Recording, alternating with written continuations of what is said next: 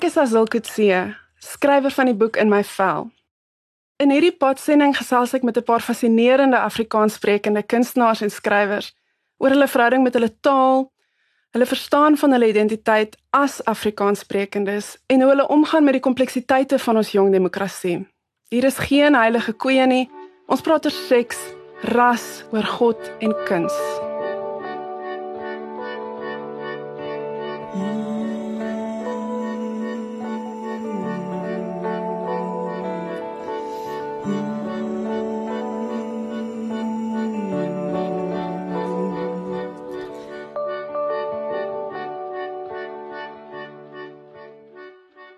Vandag se gas is Marita van der Vyver, een van ons mees geliefde Afrikaanse skrywers wat in 1992 nasionaal en internasionaal opspraak gemaak het met haar roman Griet skryf 'n sprokie. In Griet skryf Marita openlik oor seks en plaas sy vroulike begeerte in die middel van die storie, iets wat daardie tyd nog nooit in Afrikaans gedoen is nie. Sedertdien het sy 'n heeltydse en veelsidige skrywer vir alle ouderdomme geword. Vandag woon Marita in 'n klein dorpie in die suide van Frankryk saam met haar Franse man en hulle kinders. Haar nuwe boek Grensgeval gaan weer oor 'n sensitiewe onderwerp in ons kultuur, die grensoorlog. Ek gesels met Marita oor seks, natuurlik, feminisme, immigrasie en die dinge wat spook in die Afrikanersegge. Hierdie gesprek is opgeneem tydens Woordfees voor die nasionale koronavirus-inperking. Marita, Jy skryf Griet skryf 'n sprokie in die vroeë 90s en dis 'n weghol sukses in Afrikaans in Suid-Afrika. En jy skryf daarin oor seks, vroulike begeerte, miskraam, 'n klomp dinge waar ons sukkel om te praat in Afrikaans. Jy ek voel jy jy skryf amper seks oop vir 'n hele generasie Afrikaners en vir mense wat daarna kom in Suid-Afrika. Hoekom dink jy was dit so suksesvol daai tyd? Ek het daai vraag al so baie gekry. En na al die jare het ek nog steeds nie regtig 'n antwoord daarop nie. Maar ek dink dit het iets te doen met die regte boek op die regte tyd wat by die regte mense uitgekom het. Jy weet, dit is nou nie ek wil nou nie so oorbeskeie klink asof ek nou niks daarmee te doen het nie, maar geluk speel 'n groot rol in in enige boek en dit was die tyd, dit was die einde dit was die einde van die muur het geval in Europa. Dit was net in Suid-Afrika wat alles verander. Einde 80s begin 90s is daai ja. boek. Dit was die die nuwe Suid-Afrika wat aangebreek het. Rusland, die Sowjetunie het in mekaar geval. Daar was so 'n bries van oopheid wat oor die wêreld gewaai het. As daai boek 'n paar jaar vroeër verskyn sou hy nie verskyn het nie, sou ge, hy sou um, gesensureer gewees het. So ek dink tog dit het daarmee gedoen. Mense was reg daarvoor. Reg om oor seks te praat. Reg om oor seks. Miskien so in die donker te lees met 'n flits. Ja. Baie ma's het blykbaar die boek vir hulle dogters weggesteek. Nou nog kry ek gereeld vroue wat nou al in hulle 40's of so is en sê hulle vir my, my ma die boek weggesteek. Nou as ouer weet jy as jy wil hê 'n kind moet 'n boek lees moet jy dit wegsteek. Want hulle gaan uitgrawe en ma se onderklere laai en dit skelm gelees. Hoekom dink jy is dit vir ons so moeilik as 'n kultuur om oor seks te praat? Ek vind dat so die boek is daai tyd uit, maar dit is nog steeds 'n gesprek waarmee ons sukkel. Dit is nog steeds iets wat ons relatief min sien in ons letterkunde en ons populêre kultuur. Dink jy dit is eie aan die Afrika? Dink jy dit is iets aan die aan die Afrikaans sprekende of Afrikaner mense of is dit hoe is dit onder die Franse waar jy nou woon? Kan jy 'n bietjie daaroor vertel? Ek dink daar's wêreldwyd maar nog steeds mense kan, is oop raak al oor oor seksualiteit en in al sy in al die verskille van gender en so aan dit is nie meer noodwendig net man vrou seks nie. Ehm um, maar dit is byvoorbeeld nog steeds moeilik dink ek vir ouers byvoorbeeld om met hulle kinders oor seks te praat selfs die Franse waar ek woon. Ek dink ons Suid-Afrikaanse ehm um, seksualiteit het baie met kalvinisme te doen. Dit ons het nog boonop 'n bietjie daarmee oor die kop geslaan. Daar's 'n klomp protestantse kalvinistiese goed. Die Franse het nie dit nie. Oor die algemeen vind ek die Romeinse kulture meer oop. Daar's daar is dis is makliker vir hom seks te geniet. En dit ja. is net en hulle sal ook makliker daaroor praat. Maar ek was byvoorbeeld ehm um, verstom geweest ehm um, toe ek saam met my dogter na 'n 'n 'n seks seks wat mense nou voortplantingskliniek skool kliniek so gegaan het. Toe sy 'n tiener was. Ehm um, en ons het gepraat oor ehm um, saam met die verpleegsuster en die vrou het gesê, "Weet jy hoe min ma's. En sy het vir my gesê, "Wil jy uitstap dat jou dogter met my kan praat?" En my dogter gesê, "Nee, ek wil hê my ma moet bly sit." En ons het 'n oop gesprek gehad, jy weet oor voorplantings, oor voorbehoedmiddels, is die ding wat die woord wat ek soek. En en en ehm um, die verpleegster het daarna vir my gesê, "Daar is omtrent nooit wat 'n dogter aan ma saambring nie." En ek sê, "Maar ek tog Almia se maats praat met hulle ma's daaroor en bring hulle saam." Sy sê, "Nee, dit gebeur baie min op 16, 17, 18 dat die dogter. So, toe besef ek, okay, dis nie ek dis nie regtig hierdie verligte Frankryk eh, wat ek gedink het nie. Ma's praat nog steeds moeilik met hulle dogters, dogters praat nog steeds moeilik met hulle ma's en dit is waar ons en seuns met hulle ma's en pa's en ons daar's nog baie werk daar.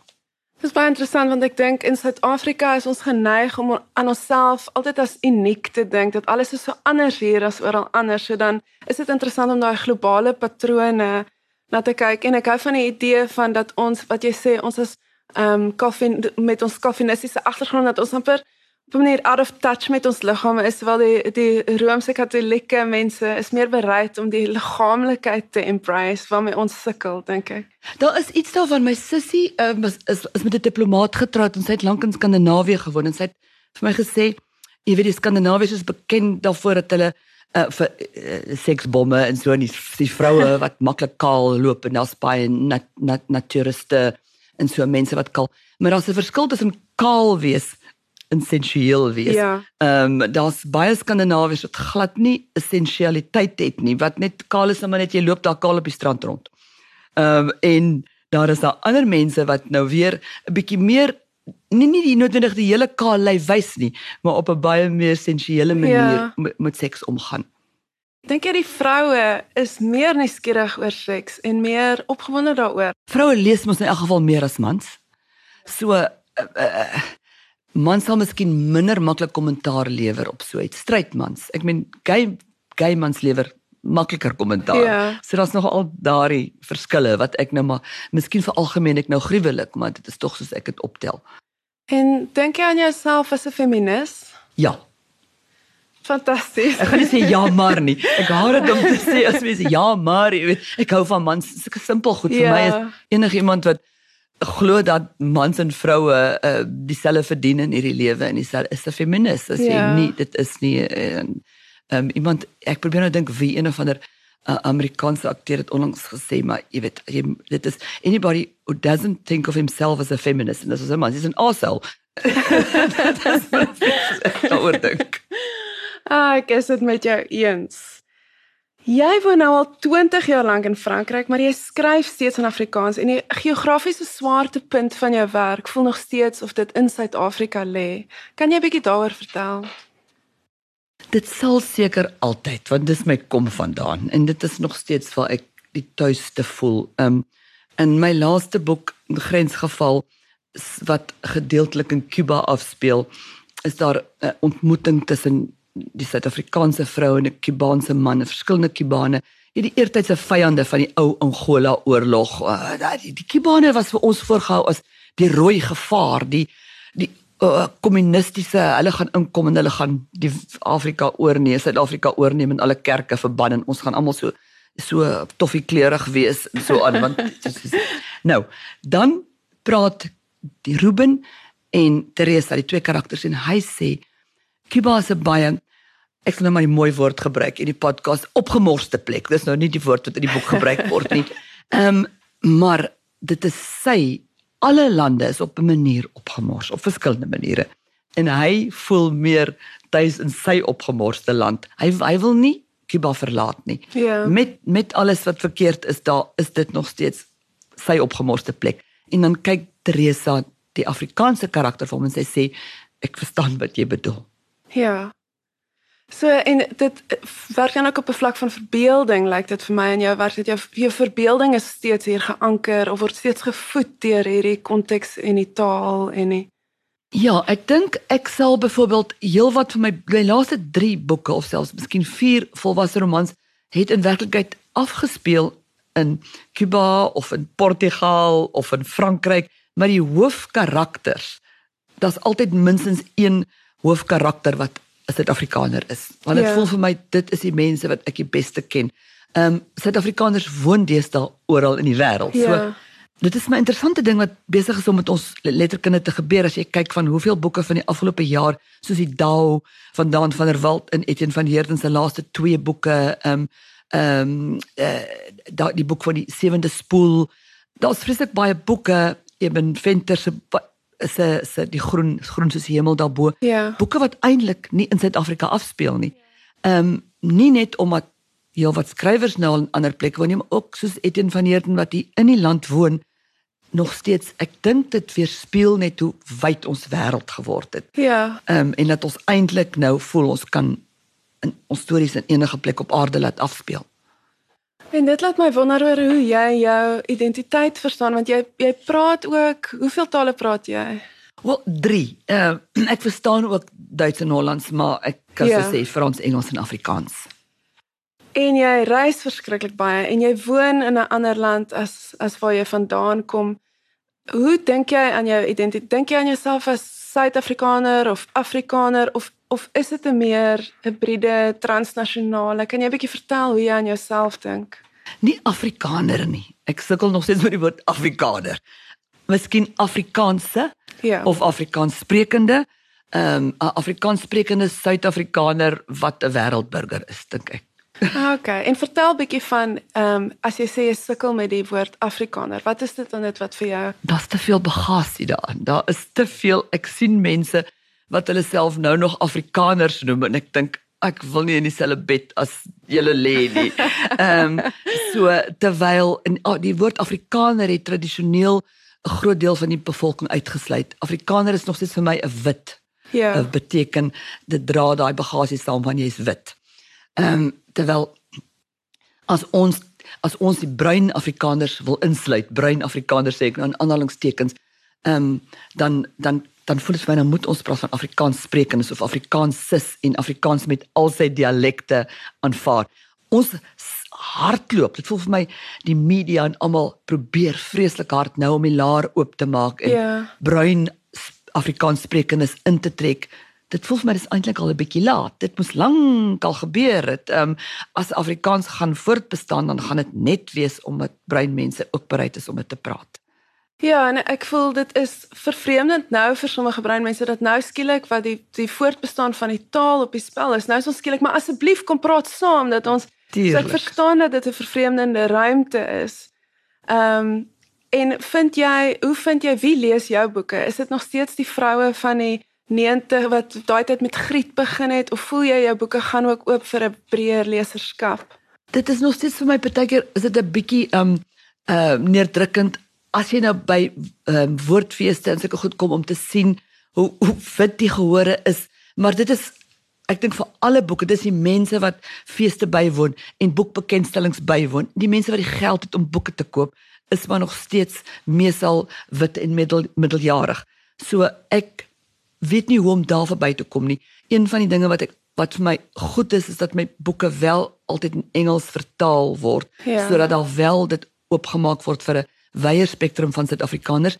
Maar ja, nee, ek dink tog deur die jare het daar baie meer breinlesers bygekom as reg aan die as reg aan die begin net omdat daar ehm um, daarom geleidelik 'n 'n 'n groter middelklas ontwikkel.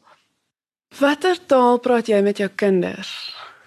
Afrikaans eerst in die eerste plek want dit is ek dink jou kind verdien die heel beste en dit is nog steeds die taal wat ek die beste praat en omdat ek 'n taalmens is dit vir my belangrik om nie skief en krom taal met my kinders te praat nie so ek sal altyd met hulle in Afrikaans praat maar ek het nog nooit 'n issue daarvan gemaak nie my dogter byvoorbeeld sal my antwoord in Frans ehm um, uh of in Engels Ehm um, so ons praat dit is dit wissel die heeltyd. Uh, Ek kan nie my man uitsluit nie. Ons het al die reëls gebreek. Jy weet hulle sê mos nou as jy nou in 'n so multitaal land jou kinders grootmaak, dan moet een pater net sy taal of haar taal praat en die ander een konsekwent O, uh. net daai taal dan kan die kind nou al die tale. Ons jy kan dit nie doen as jou partner nie 'n woord van jou taal verstaan nie, dan sny jy hom uit elke keer as jy Ja. met jou kind praat. So ek het van die begin af as ek alleen met my kinders is, sal ek Afrikaans praat. As Alain by is, sal ek 'n sin in Afrikaans sê en dan soms in Engels ook sê. Ehm um, baie keer praat of, of in Frans, so dit wissel die heeltyd. Dit absoluut ons dis drie tale, maar my eerste keuse was altyd Afrikaans en as hulle my wil antwoord in wat hulle wil vir my is dit belangrik geweest dat hulle met hulle oupa in sy taal kan praat. mooi. Ek wil nie my oupa moet met sy kinders Engels Ja. praat nie. Al is dit net daarom en en dit is jy weet dit gaan daar jy nie daai band heeltemal breek nie. En is daar dinge van jou wat jou man, jou Franse man nie kan verstaan nie omdat hy nie jou taal ken nie, omdat jy 'n taalmens is, jy's 'n skrywer, voel jy daar's dele van hom van jou wat vir hom buite bereik is? Daar's seker altyd net sal altyd dinge sal wees wat ek nie regtig van die frase verstaan nie, soos daar. Hy kan byvoorbeeld nie verstaan hoekom ons Afrikaanse vroue so baie asseblief en dankie en jammer sê nie, veral daai jammer. Hy het my bewus gemaak daarvan Ja. want hy luister na my vriendinne ook en so ek probeer baie hard om minder jammer te sê sodat my dogter nie so die jammer gat word. Dis Ja. dis 'n ding, dis in ons in. Ons maak verskoning. Ja. So dis een dis dis maar een van die dinge waaroor hy ehm um, waarop hy my attent gemaak het. Maar taal, die feit dat hy dat jy nie ehm um, uh, in elke taal is jy mos 'n ander mens. Ja. Uh, soos die Duitsers sê, soveel tale soos jy kan praat, soveel keer is jy 'n mens. Ehm um, en ek is nie heeltemal dieselfde mens as in Frans of in Engels seker as wat ek in Afrikaans is nie. Ek is byvoorbeeld ehm um, baie minder ehm um, dis my moeiliker om gevat te wees. In in as Afrikaans is nou nie dat ek altyd nou die clown van die partytjie is nie, maar as daar 'n tafel is, dan kan ek 'n snaakse storie vertel Ja. en ek kan gevat wees in ehm um, en met humor en so. Die oomblik as dit in Frans is, in eerste plek is die humor nie heeltemal dieselfde nie. Ja. Daar's nie 'n gedeelde verwysingswêreld nie. En eer, ek moet nou so hard dink oor die conju oor die conjugations van die Ja. Franse taal en of ek die le en die ra- lag gaan regkry. Teen die tyd dat ek uiteindelik my grappie reg het, is die tafel al lankal besig om iets anders te gesels. Ja. So ek is stiller in Frans en sediger Ja. as wat ek hier is. Ja, dis interessant hoe mense persoonlikheid anders is. Jy moes dit seker ook. En ek het baie ervaar. gedink aan aan die jammer asseblief, dankie wat ons so verskriklik sê in Afrikaans en aan die begin was dit vir my baie verfrissend in Nederland hoe hulle hulle het 'n woord vir asseblief, maar hulle gebruik dit glad nie dieselfde as ons nie. Hulle sal baie keer net nie asseblief Ja. sê nie. Ehm en aan die begin was dit vir my so verfrissend, maar later het ek ook gedink daar is iets mooi aan hoe beleefd, hoe gaaf ons is in Afrikaans. So dit is 'n baie gawe space. Ek stem saam met jou en ek, het oor, veral oor die asseblief en dankie het ek wel my Franse kinders geleer. Ja. Want dankie. Dankie, dankie is vir my 'n woord wat kinders nie kan sonder klaar kom en ek het gedink my Franse stiefkinders toe ek hulle ontmoet het, het ek gedink hulle is nogal onbeskof dat hulle nooit dankie sê nie. Ja. So dit is iets wat wat ek dink wat 'n mens tog moet behou. Jy moenie die baba saam met die badwater Ja. uitgooi nie. Maar die jammer dink ek kan 'n mens gerus maar vir ons kinders leer om 'n bietjie minder jammer te sê. Behalwe nou weer mens moet kan jammer sê as jy verkeerd was. Ja. Jy moet kan verskoning vra en ons Afrikaanse mense oor die algemeen, dis nog een van die moeilikste dinge om verskoning te vra vir die verlede. Vir laat ons luister en laat ons sê net die hele ding van van wit bevoordiging byvoorbeeld Ja. vir my. Laat ons net erken. Ons hoef nie rond te gaan en op ons koppe te slaan so "O, ek is jammer vir wat my voorvaders gedoen het en so nie, maar laat ons erken. Daar is 'n ding soos wit bevoordiging. Daar is dinge wat verkeerd gedoen is. Laat ons net luister na die ander mense om ons se seer kry en stil bly. Stil bly en luister, dink ek, want ons het al baie gesê ons wit Afrikaans sprekendes. Ehm um, dit is tyd dat ons miskien net meer luister. En dink jy dit is bietjie deel van jou ek wil nou sê projek, maar dit klink so formeel, maar van jou nuutste boek Grensgeval dat jy kyk jy's besig om in hierdie verlede is wat ons as 'n kultuur, wat dit gaan oor die grensoorlog of uh, hoe praat jy daarvan die oorlog Ja, in Angola. ja. Ehm om bietjie in hierdie geskiedenisse waarin ons as kultuur nie wil inkyk nie want ons wil nie jammer sê nie, ons wil nie luister nie, ons wil nie amper nie skuld erken of en jy doen daai werk van in dit inkyk en sê maar wat het dit beteken en wat beteken dit vandag vir ons? Absoluut. Die die van die grootste kritiek teen grensgeval was van mense wat nie die boek gelees het nie, maar ehm um, oud soldate. Dit was nie dienspligtiges nie, ehm um, mense wat gekies het om 'n soldaat is 'n soldaat reg oor die wêreld en dit is dan baie moeilik vir 'n soldaat om te erken. Ek het daai so van gevoel wat jy kry. Ag, dis die ouens wat dit nie kan kon vat nie die wat te sensitief was en so, maar jy weet daai regte man kan ons nou oorlog maak. Uh Ja. jy gaan nie daaroor kla nie. En dit is dis ook 'n 'n 'n mite wat ek wil die bank want ek het die skade te veel om my gesien van mans van my generasie en dit dit is 40 jaar later is dit nog daar. Die kinders sit met hierdie paas. Ehm um, die vroue met die mans wat juist daai wat nou so hard probeer het om real men te wees in Ja. die oorlog. Ehm um, dit kom uit in gesinsgeweld, dit kom uit in drankmisbruik, 'n verslawing in allerlei ander maniere, maar daai skade is daar. Jy kan nie dit jy kan dit nie verheerlik nie. En is dit vir jou terapeuties om so in die verlede in te kyk want dit is iets wat ek bedoel in met my generasie leef ons nou met die naderdraai van 'n oorlog soos dit, maar dis iets waar deur jy geleef het amper en eh, is is dit vir jou kan jy deur van jou eie issues werk om in hierdie geskiedkundige dinge in te kyk? Ek weet nie of ek die woord terapeuties sal gebruik nie. Dit is nogal dit maak nogal seer. Dit dit dit eh, ehm um, maar dit is seker enige terapie is seker maak Ja. seer terwyl jy daarmee besig is maar op die ou en is daar tog 'n 'n manier van heling. So ja. Ehm um, uh, uh, wat wat vir my wel, ek dink nie ek het besef hoe hoe oop daai wond nog is nie. Ek het net maar gedink is iets wat ek self gesien het in my eie lewe en uh in 'n paar vriende om my. Ehm um, so ek het dit geskryf en ek het die reaksie wat ek op die boek gekry het. Ek het nog nooit so emosionele reaksie gekry op enige van my vorige romans nie. Letterlik by die boekbekendstellings aand na aand mense wat in trane uitbars, vroue wat my sê hulle 40 jaar gelewe met 'n man wat nie kan praat nie.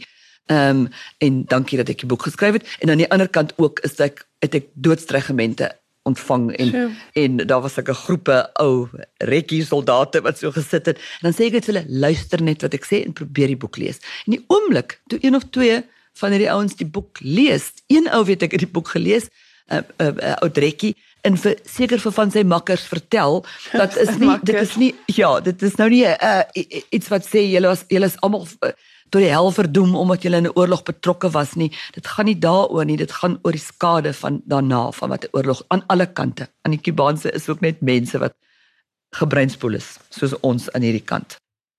En hoe dink jy kan ons as in Suid-Afrika maar ook in die Afrikaanse kultuur meer van hierdie soort werk doen? Meer is dit iets wat meestal deur kuns of literatuur of hoe hoe dink jy kan ons werk hier aan om Jy bedoel om na die verlede te kyk of hand uit te reik na mekaar? Ek dink die uh wel die hand uitreik ook maar die introspeksie daarvan waarvoor ons so bang is. Dit is ons is verskriklik geneig om te sê, maar dit is ook seker nie net Suid Suid in Suid-Afrikaners nie. Ehm um, as 'n uh, in Frankryk wil die mense nie terugkyk na die Tweede Wêreldoorlog nie, nog minder na die koloniale geskiedenis Ja. van Frankryk wat afgryslik is. Ehm um, dis mos nou verby. Ons gaan aan. Ons is nou baie gaaf met al die ehm uh, mense van die die ehm um, Arabiese uh, Maghrebyn En ook bevolking. nie so gaaf nie. Ja, glad nie, nee, Ja. glad nie, glad nie. Dit is daar's nog maar so. Ehm um, ek wil nie die Suid-Afrikaners onskuldig nie. Ek sê maar net dit is 'n menslike ding dat ons wil sê ag, ons moet nou ver, verby. Dit is nie verby nie. Dit is ons moet oor en oor kyk na die dinge wat gebeur het en die seer kry van die verlede om uit te kom, om daar om weg te kom daarvan. Um, om om om mekaar te vergewe. Aan die einde van elkeen van hierdie onderhoude vra ek vir die persoon met wie ek praat vir 'n Afrikaanse aanbeveling. 'n 'n boek of 'n fliek of 'n liedjie of iets wat jy of jy dit onlangs Ja. ontdek of is al lewenslank jou gunsteling, iets wat jy vir mense wil sê gaan luister of gaan kyk. Wie- Okay, dis maklik want dit 'n boek en 'n fliek. Ehm um, ek het jare gelede Poppy Nongena, die swerfjare van Poppy Nongena gelees en dit is een van daai boeke wat ek dink baie mense se lewens nogal verander het. Afrikaanse mense wat nie wou kyk, wat nie wou weet wat aangaan nie. Dit was vir my 'n boek wat ek deur die jare altyd vir mense van vertel het. Ehm um, ehm um, ook oor see. En dit is nou absoluut wonderlik geweest dat ek laas week my Franse seun, my Frans-Afrikaans Engelse seun en sy Franse meisie kon neem om Poppy te gaan kyk as fliek. Ehm um, en die reaksie wat dit op hulle het, ehm um, dat hulle letterlik tot trane gedwing is daardeur hulle het albei gehuil daarin. Is so ja, gaan kyk die fliek, gaan lees die boek. Baie dankie Marita. Dankie.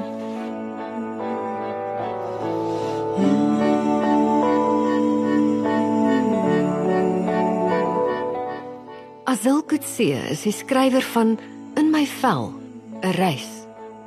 'n Boek oor weggaan en terugkom. Oor witheid en Afrikaans wees. Sy het 'n PhD in filosofie in Amsterdam verwerf en is tans 'n postdoktorale navorser in gender en dekolonisasie by Stellenbosch Universiteit. Haar menings verskyn dikwels in verskillende Afrikaanse publikasies soos Vrye Weekblad, rapport en Litnet. Sy hou daarvan om te lees, te dink en diep gesprekke te voer. Musiek vir hierdie potsending is gekomponeer deur Ricolatti. Tegniese en akoestiese versorging is behartig deur Mel Roo. Die regisseur is Ronel Geldenhuys en die vervaardiger is Annika Pieterse vir Netwerk 24.